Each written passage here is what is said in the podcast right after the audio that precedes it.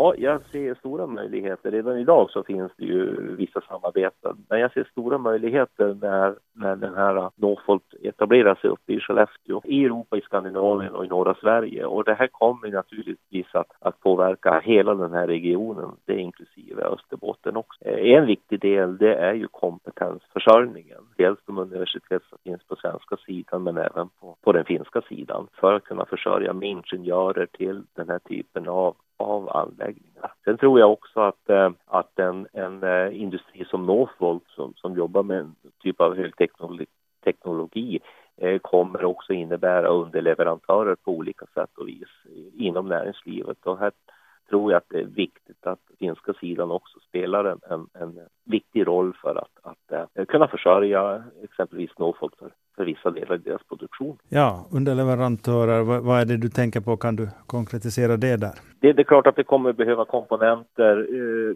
för att tillverka de här batterierna på olika sätt och vis. Det kommer att behöva logistikförsörjning på, på, på olika sätt och vis. Och, och Eh, det finns ju en begränsning i Västerbotten eh, för detta. Eh, det finns, jag är övertygad om, tillgångar i, i Österbotten också som kan bidra med detta.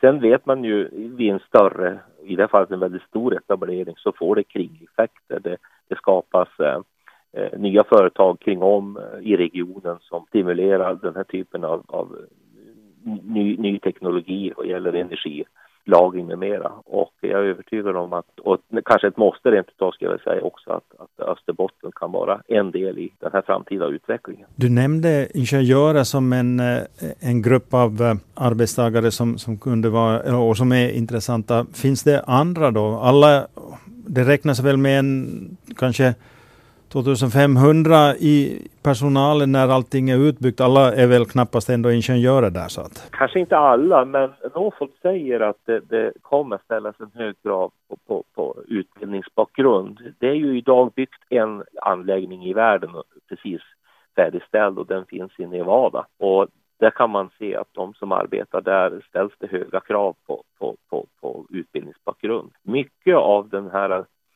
Eh, produktionen i en sån här anläggning den är helt automatisk för det ska vara kliniska miljöer. Men då krävs det mycket övervakningsjobb i det här och då, då krävs det kompetens inom, inom både IT och andra teknologier för att kunna följa och, och, och bevaka eh, produktionsprocesserna på olika sätt och vis.